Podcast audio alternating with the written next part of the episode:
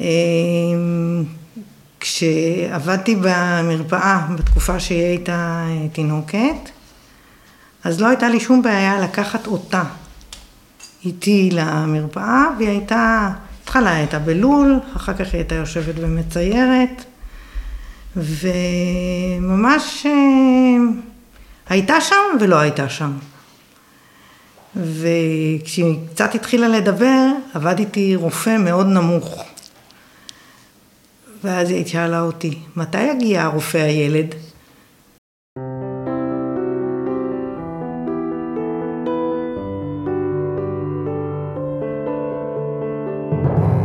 שלום, אני טלי אשר, ואתם על מי רוצה נס, פודקאסט שנועד להכיר לכם מקרוב את החיים לצד התמודדות נפשית.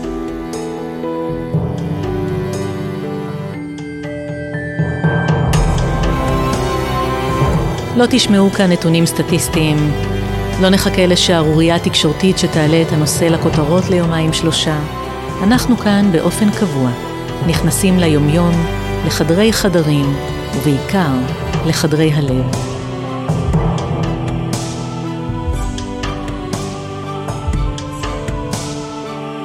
איתנו היום ברוריה, רעייתו של יוסי, אם לשבעה, סבתא לשמונה עשר נכדים, בתפקידה האחרון, לפני יציאתה לפנסיה, הייתה אחות ראשית ומנהלת הסיעוד בקופת חולים לאומית.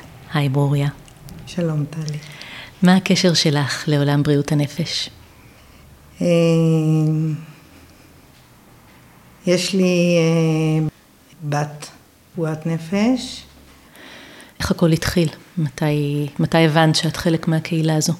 לפני יותר מעשר שנים. היה לבת שלי אה, ניסיון אובדני. כשהיא בת? כמה? כשהיא הייתה בת 26, היא כבר הייתה נשואה, וכנראה שכבר אה, בתקופה שהיא כבר לא גרה אה, בביתנו, בתקופה הזאת היא גם לא הייתה זמן רב בארץ, כנראה שכבר היו דברים רבים שאנחנו אה, לא נחשפנו אליהם, וזה התחיל עם אה, ניסיון אה, אובדני, טלפון שקיבלתי ב-6 בבוקר, אולי ב-5 וחצי, כשהתכוננתי לעבודה, לצאת לעבודה. זה נוחת עלייך כרעם ביום בהיר, או שאת אומרת, תיארתי לעצמי שמתישהו זה יגיע? זה נוחת עליי כרעם ביום בהיר. אה, כבר הרגשתי שמשהו לא בסדר. כל ניסיון שלי לדבר על זה, או לבקש עזרה, ללכת לבירור, לטיפול, אה, נתקל בחומה בצורה, אל תתערבי, אל תתערבי, אל תתערבי. תחושה של חוסר אונים.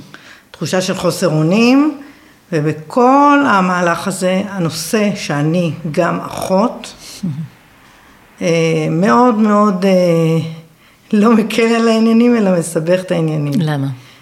כי מצד אחד המחשבות שלך רצות אה, קדימה, והחרדה היא נוראית מהידוע ומהבלתי ידוע, ומצד שני, אני רגילה לעזור לאנשים. זה התנועה הטבעית, האוטומטית שלי.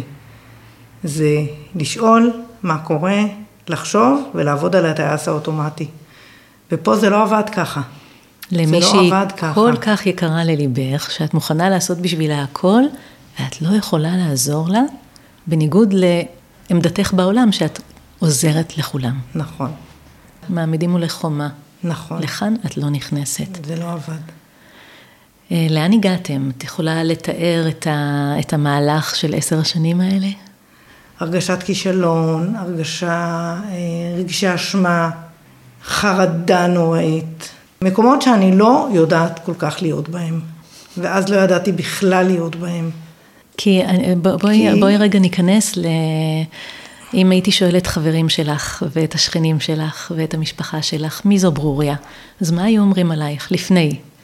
דבר ראשון, הנושא של אה, שליטה, תכנון. לעמוד מול הדברים, להכיר אותם ולהתמודד איתם. ופה כאילו אתה mגיע למסך שאתה לא מכיר, שאתה לא יודע, שהכללים הרגילים לא עובדים. אתה לבד, הנושא של הבושה, הוויכוח עם אה, אישי. גישות שונות? עם מי מדברים, למי מספרים, עם מי מתייעצים. אה, אני ישר גם אמרתי, צריך לדבר עם כל הילדים שלנו. לא משנה באיזה גיל, לא משנה באיזה זה, צריך לדבר איתם, לשתף אותם. זה עכשיו יהיה חלק מהחיים שלנו. הבנת את זה בשלב מוקדם יחסית. הבנתי את זה בשלב מוקדם. אה, היה לי כן סיפור בנערות שלי על אה, אירוע שהיה בבית שלנו, בבית של ההורים שלי, עם אחד האחים שלי, שלא דיברו עליו. ואת אמרת, אני לא חוזרת על השתיקה הזו. אני לא הזו. חוזרת על זה. אני לא חוזרת על זה, אני לא יכולה עם הנושא הזה של אה, סודות. כן. ובכל מהלך השנים, גם בכל העשר שנים האלה, גם אה, עשיתי על זה פעילות אה, רבה בעבודה, במסגרת העבודה בקהילה, כי אני חושבת שזה גם נכון לתת כלים להורים, לילדים, לאחים, כולם מושפעים. כל, כשקורה משהו במשפחה, כולם מושפעים, אפילו שכבר לא גרים כולם תחת אותה קורת גג. בואי נחזור, את מקבלת את הטלפון ההוא בחמש וחצי לפנות בוקר על ניסיון אובדני של בתך. לאן זה לוקח אתכם? לחדר מיון רגיל. אה, לא דיברתי עם בעלי, כי הוא היה בחו"ל. אז הייתי צריכה... לבד. להחליט מה אני עושה. כן. בחדר מיון, אגב, את כל מה שאני מספרת עכשיו, הבת שלי לא זוכרת. מבחינתה זה לא היה. אז אני אומרת, אפילו את הזיכרון הזה את אוחזת לבד. נכון. הגענו לחדר מיון בתל השומר, אני עוד בסתר ליבי קיוויתי שאולי יאשפזו אותה שם, אולי לא ישלחו אותנו למקומות האלה הסגורים ושאתה לא יודע, אני כן יודעת מה קורה שם מאחורה, אבל שבגדול אתה לא רוצה לדעת אה, מה קורה שם. מקומות שעדיף להימנע מלהגיע אליהם. נכון. קיוויתי שיטפלו בה בזה, וכן אה, יאשפזו אותה ליום, יומיים, אה, עוד לא ידעתי מה, מה עומק הבעיה. ואמרו לי שהם מציעים לי לאשפז אותה. ואמרתי להם, אה, למה אני צריכה לאשפז אותה? אני יכולה לקחת אותה הביתה, אני אשמור עליה, אני הייתה באותו חדר. הפסיכיאטרית אמרה לי, אני לא מציעה לך לקחת את זה על עצמך.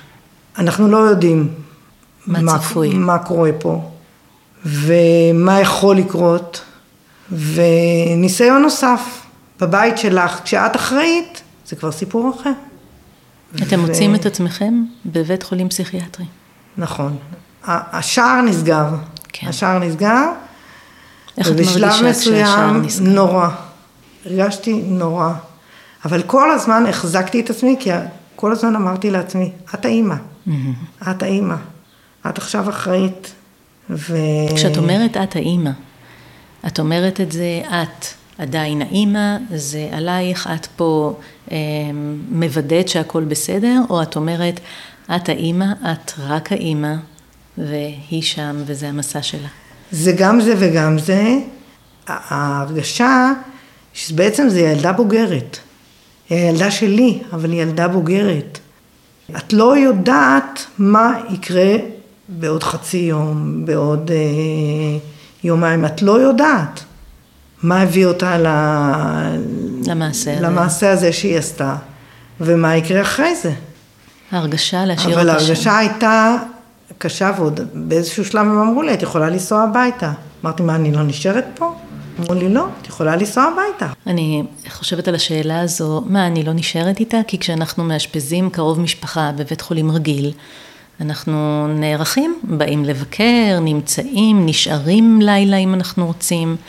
פה הכללים אחרים. נכון, פה הכללים אחרים, וגם היא, כשהיא עוברת מהחדר מיון, היא עוברת לדלת סגורה. אתה לא נכנס איתה. בית חולים רגיל, אתה נכנס לבית חולים. מוודא שהארון יציב. אתה רואה שעשו קבלה כמו שצריך, okay. כן. אתה רואה שהשם על הגיליון כתוב כמו השם על, ה... על התו ביד. אה, מוודא, שומר. כן, היום אנחנו יודעים שבתי חולים... אה, חשוב מאוד שיהיה מישהו ליד המטופל. נכון. ופה אין דבר כזה. אמרתי לה, את בטוחה שאני לא יכולה להישאר פה? Hmm, אולי טעית, משהו בכללים. אז היא אמרה לי, לא, לא נשארים פה, לא נשארים פה. תתארי לי את הנסיעה חזרה הביתה. דבר ראשון, סוף סוף בכיתי. ממש מררתי בבכי. ואמרתי, איך השארתי אותה שם? איך השארתי אותה שם? איך השארתי אותה? ואחר כך הקולות מהראש אמרו לי, אבל הרופאה אמרה שאת לא יכולה לשמור עליה. ואם היה קורה לה משהו, אחר כך את לא תסלחי לעצמך כל החיים. תחושת מלכוד. תחושת מלכוד, תחושת כישלון, ועצב, עצב, עצב, עצב, חוסר ודאות. וזה משהו שאני עד אז לא הכרתי אותו. צריך אולי לומר, את אה, יודעת מה זו התמודדות. את אה, ניחנת, קודם שאלתי אותך מה היו אומרים עלייך אה, חברים שלך, שכנים שלך. אני רוצה להוסיף, שאני חושבת שהיו אומרים, מעידים על מאור פנים קבוע, על גישה מאוד חיובית, אבל במובן של מסוגלות, את מתנהלת בעולם מתוך תחושה של עשייה טוב ושל פוטנטיות של אפשר, אפשר לדברים, אפשר לעמוד מולם, ולא מתוך uh, ש, שהכל תמיד מושלם, מתוך ידיעת מהי התמודדות. והנה כאן את אומרת, יש תחום אחר, שהדברים שנהגתי על פיהם, או אני עדיין נוהגת על פיהם בתחומים אחרים, לא רלוונטיים לגביו, אני צריכה ללמוד שפה חדשה. נכון. במהלך עשר השנים האחרונות, כמה פעמים היא הייתה מאושפזת במחלקה סגורה, לאילו תקופות?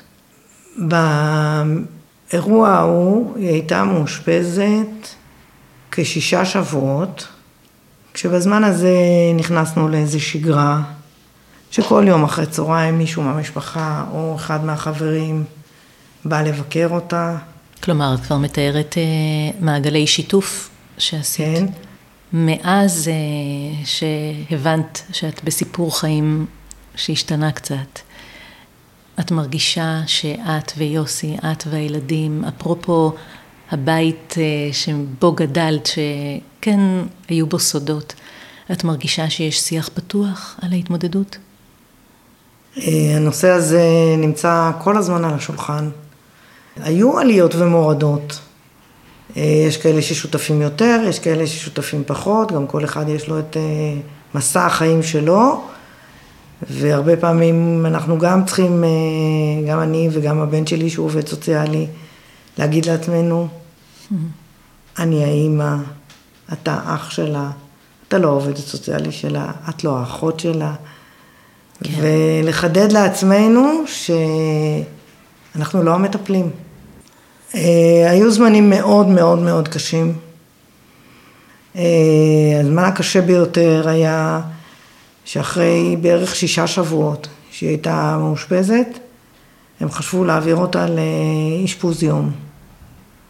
שחררו אותה ביום שישי, לקחנו אותה הביתה, במוצאי שבת פתאום אני שומעת בכי, צרחות, ואני טסה למעלה לחדר שלה והיא לא נמצאת שם, ואני פותחת את השירותים והיא לא נמצאת שם.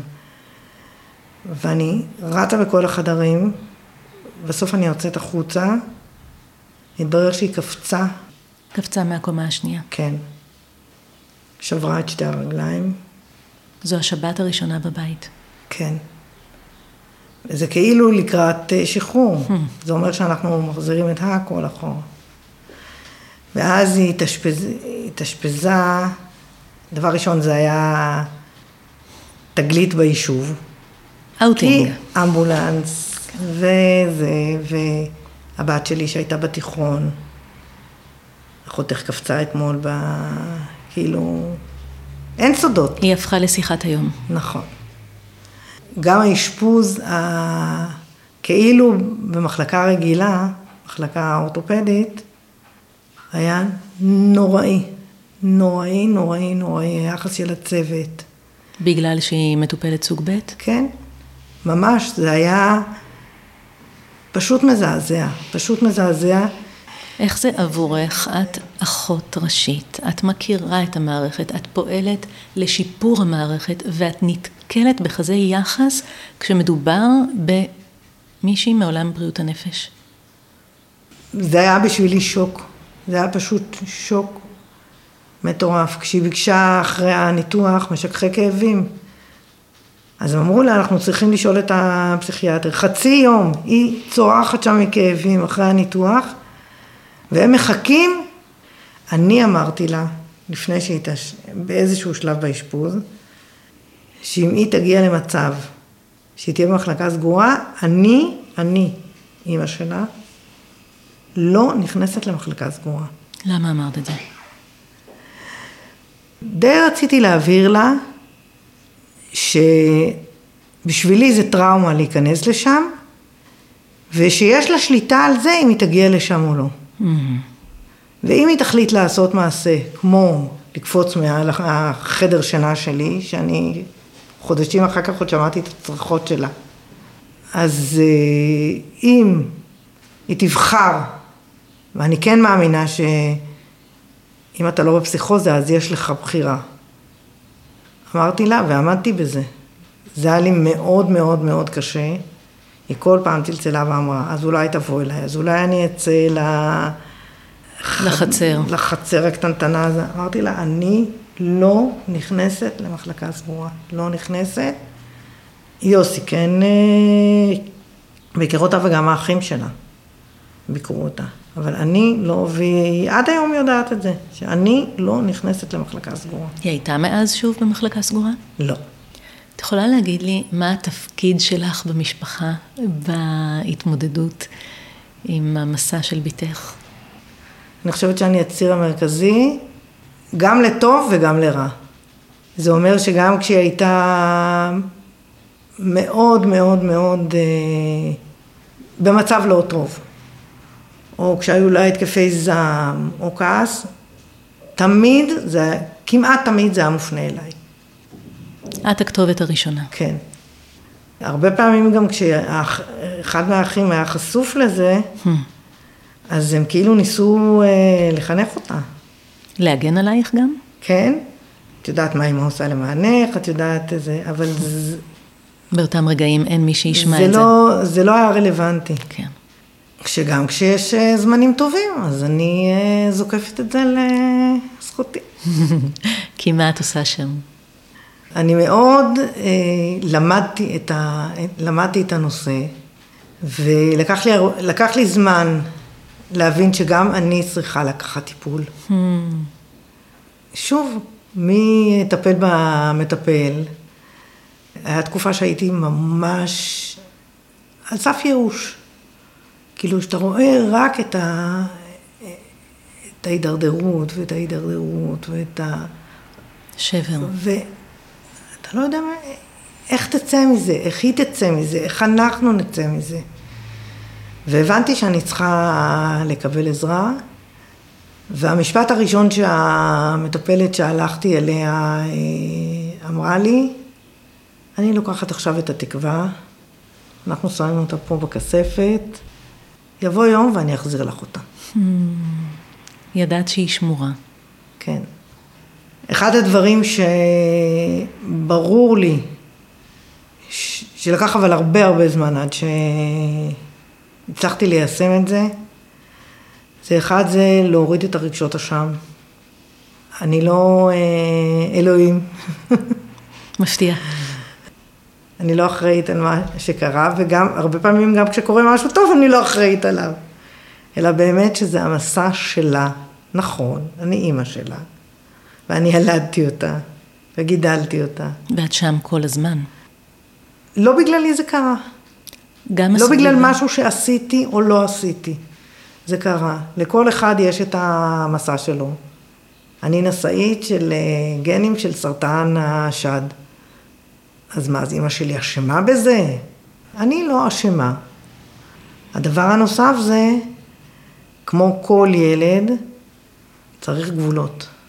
ולא מזה שאני אתן עוד ועוד ועוד, או יהיה שם 24-7, מזה ייפתרו בעיות. Mm-hmm. לא לעבוד מתוך רחמים, אלא אה, לעבוד אה, באמפתיה ולדעת שיש זמנים שזה מצליח ויש זמנים שזה לא מצליח. ולא הכל בידיים שלנו. והדבר הנוסף זה שיש לי גם חיים. שאני צריכה ללמוד, ושאני צריכה ללכת לחוגים, ושאני צריכה לנסוע לחוץ לארץ לחופש, ושאני לא יכולה עכשיו להיות אה, אה, מרותקת רק, ל, רק אליה, ולהפסיק את החיים שלי. הדבר הנוסף שמאוד מאוד אה, בנה אותי, זה הנושא של הטמעה של התחום של בריאות הנפש בלאומית שירותי בריאות.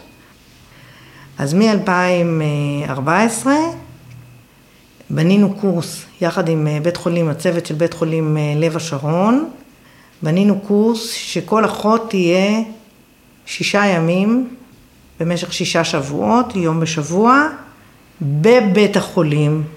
הפסיכיאטרי. הפסיכיאטרי, ותפגוש מטופלים, תעשה עבודה על אה, מטופל אחד או שניים, מתוך המרפאה שלה. תיחשף לנושא הזה. הורדת את הדיכוטומיה.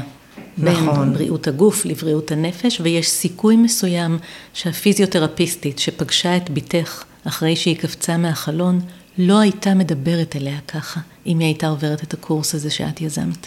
נכון, ואת הקורס כל פעם אני פתחתי אותו, אני ריכזתי אותו, אני ניהלתי אותו. הייתי שם גם לאוזן קשבת לאחיות. מה שכל הזמן עשיתי, אבל באמת להיות איתם, עם כל אחות, שישה ימים. כשאת פותחת קורס כזה, את מספרת את אה, נקודת ה... אני מספרת להם את הסיפור. של הבת שלי, בכל קבוצה. היינו, וואו. עשינו 13 קבוצות, בכל קבוצה הייתה לפחות אחות אחת, אם לא יותר, שבאיזשהו שלב ניגשה אליי ואמרה לי, יש לי בן אני. כזה, יש לי אח כזה, יש לי דודה כזאת, אימא שלי כזאת. והיו שם אחיות שאמרו לי, מעולם לא דיברנו עם זה, אני עובדת במרפאה שבע שנים, עשר שנים, מעולם לא דיברתי עם מישהו מתוך הצוות על הילד שלי. ומאז הם ידעו שהן יכולות גם להתייעץ איתי, שאנחנו יכולים לדבר על זה. הפכת את הנושא ממושתק למדובר, לנוכח, ללגיטימי. נכון. כמה חשוב להשקיע בצוות. פתאום זה היה שפה שחלק מהמקצוע שלנו. כן. אני רוצה לשאול אותך רגע, ברוריה, אמרת קודם באיזשהו שלב שאת הבנת שאת צריכה להמשיך את החיים שלך, גם ללא קשר לעשייה שלך בתחום בריאות הנפש. ואני ממש אשמח שתספרי מה זה אומר, מה התחלת, מה הכנסת לחיים שלך כדי להיטיב עם עצמך. ואני החלטתי שאני צריכה לעבור לתחום הנפש והרוח, והיום אנחנו יודעים שאין להפריד בין הגוף והנפש. כן. ואם בן אדם רוחו חזקה, אז הוא יכול אה, להכיל הרבה מאוד אה, בעיות גופניות ולהתמודד איתן. אני רוצה להזכיר ממידע פנימי גם את החתירה בקייק וגם את הריקודים וגם דברים כאלה שהם אה, הם גם ממלאים רגשית, אבל גם יש בהם הנאה ופיזיות ושחרור, וגם את זה פרגנת לעצמך. נכון. וגם התחלתי לעשות פעילות גופנית, וירדתי במשקל, ושיניתי את אה, צורת הלבוש שלי. המהממת, יש לומר. ודאגתי לעצמי. דאגת. לעצמי, ואני מאוד מאוד מאמינה שכשטוב לי, אז גם הרבה יותר קל לי להשפיע שפע של טוב אה, אמיתי על אחרים, ולהתמודד עם אה, דברים. כמובן, אני לא יכולה ל... לא להגיד, ברוך השם, אה, יש לי זוגיות נפלאה. אישי ואני, גם כשאנחנו לא רואים עין בעין את הדברים, אנחנו מדברים על זה, ובסופו של דבר, לכל אחד מאיתנו יש את המקום שלו. מבחינתי, להיות במסע הזה בלעדיו, אני לא יודעת אם הייתי אה, שורדת את זה. והזוגיות הטובה הזאת, והקרובה, והדיאלוג, וגם האהבה והשמחה ששורה ביניכם מקרינה על, על התא המשפחתי כולו, אני מניחה. כמובן. אנחנו משתדלים להיות אה, מודל אה, לילדים שלנו ולנכדים שלנו, הגדול כבר בן 17. כששאלו אותו בכניסה לישיבה תיכונית, מי הבן אדם שמשפיע עליך? אז הוא אמר, סבא שלי. וואו. אמ, ובעצם את מספרת סיפור של השקעה מאוד גדולה בליווי של בתך המתמודדת, מבלי לוותר על היבטים אחרים בחייך, ואולי אפילו אם לדשן אותם אף יותר אה, לאור זה שיש את ההתמודדות כבדת המשקל הזו. את מרגישה שינוי במצבה? יש שינוי. Hmm. יש שינוי, כשגם היא מבטאת אותו. הרבה פעמים נראית אה, ממש אה, שמחה, גם באה ומציעה את עזרתה, אמא אל תשטפי את הבית, אני אשטוף את הבית, ולא רק אה, לקבל אלא באמת גם לתת ולהיות חלק, וזה מאוד מאוד מאוד משמח. כן. עכשיו אני לומדת רקמה. חוזרת למשהו שעשיתי לפני המון המון המון שנים, ועכשיו בפנסיה יש לי זמן ואני מאוד נהנית מזה. עכשיו אני גם יושבת עם בתי, היא אמרה לי, אמא, תלמדי אותי גם. וואו. ואנחנו יושבות, ואני מלמדת אותה, משהו שלא היה... לא הייתי יכולה לדמיין אותו לפני עשור. ממש לא הייתי יכולה לדמיין אותו. שדבר ראשון יעניין אותה מה שאני עושה, והדבר השני, שהיא תרצה שאני אלמד אותה. כן. וזו הרגשה נעימה. ברוריה, יקרה, אנחנו לקראת סיום. ואני מבקשת לשאול אותך, איזה נס יש בחיים שלך? אז הנס הראשון זה אישי. זה הנס הראשון. זה מאוד קשה לי להגיד ש... שזה נס שיש לי בת כזאת. נכון שכשם שמברכים על הטובה צריך לברך גם על הרעה, אבל אני לא עד כדי כך אה, מרגישה, אבל אני כן מרגישה ש... קרה לי בזכות הדבר הזה, ולא בחרתי את זה, אבל ברגע שזה כבר קרה, שכן עשיתי את השינוי הנכון ושיפרתי מאוד מאוד מאוד גם את uh, האושר שלי, היכולת שלי, גם של המשפחה. ולאיזה נס את עוד מייחלת? שלבת שלי יהיה בן זוג, שיאהב אותה כמו שהיא. והיא תאהב אותו. ברוריה, אהובתי, תודה רבה רבה. תודה גדולה לברוריה. תודה לצחי אשר, שאחראי על הסאונד ובאופן כללי על האהבה בחיי. תודה לכם ולכן על ההקשבה הנדיבה ועל התגובות החמות. מי רוצה נס נמצא בכל אפליקציות הפודקאסטים, ספוטיפיי, iTunes, גוגל פודקאסט או כל אפליקציה אחרת. אפשר למצוא את כל הפרקים גם באתר שלי, טליאשר.קום, ולעקוב אחריי בפייסבוק. כדי להתארח בפודקאסט, להגיב או להמליץ על מישהו אחר, שילחו לי הודעה באתר. ועד הפעם הבאה, שיהיה לכם ולכן כמה שיותר נס.